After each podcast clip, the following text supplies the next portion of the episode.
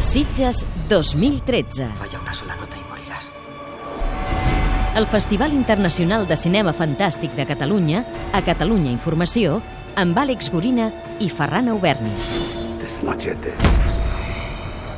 Dia 8. Recte final d'un festival que a les últimes hores ha viscut algun dels seus millors moments. El dia que hem sabut que la 46a edició ja ha superat un 10% el ritme de venda d'entrades de l'any passat en el mateix període i que hem vist la fascinant mirada actualitzada i culturitzada del vampirisme a través de Only Lovers Left Alive de Jim Jarmusch, hem tingut també la visita de l'escriptor i cineasta xilè Alejandro Jodorowsky. Als seus 84 anys, l'autor del Topo segueix encantador i en plena forma. Aquí ha presentat dos títols. Un revelador documental sobre el projecte fallit de portar a la pantalla la novel·la de ciència-ficció Dune i també la primera pel·lícula com a director des de fa 23 anys. La danza de la realitat, biografia sobre la seva pròpia infància.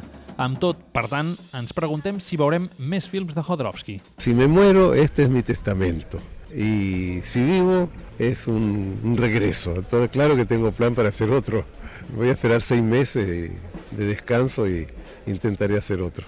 Aquí ens hem trobat amb un Jodorowsky, com podíeu comprovar, somiador, però alhora també realista. Yo quería cambiar el mundo.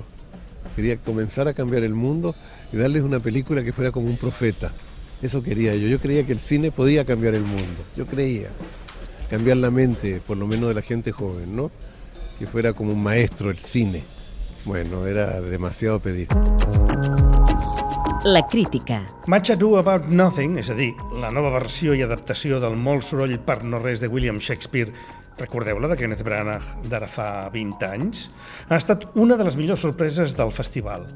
Que Josh Whedon, l'autor de la televisiva Firefly, el guionista de l'excel·lent Cabin in the Woods i director de la majestuosa Los Vengadores de la Marvel, hagi optat per una peça de cambra rodada a casa seva, a Santa Mònica, amb els seus millors amics, fent els personatges de la farsa i que hagi aprofitat les característiques del món pijeres del seu entorn per aconseguir una versió aguda, autocrítica i filmada amb bon gust d'aquesta lluita de sexes eterna dels protagonistes, ens diu molt d'un creador que no es conforma amb les produccions mainstream i fer dòlars a cabassos. La rodada en negre i blanc ha llançat el vers sobre els seus actors i aquests li han tornat amb una dimensió refrescant i renovada. I el que era un autorregal de Joss Whedon i un caprici pour le plaisir es converteix en una festa íntima que no podeu desaprofitar. L'agenda. Avui val la pena destacar la masterclass que oferirà l'incansable director japonès Takashi Miike, l'autor de l'esteticista Harakiri, Muerte d'un samurai, premi honorífic, per cert, aquesta edició, tindrà una trobada amb el públic a les 6 de la tarda a la sala Tramuntana.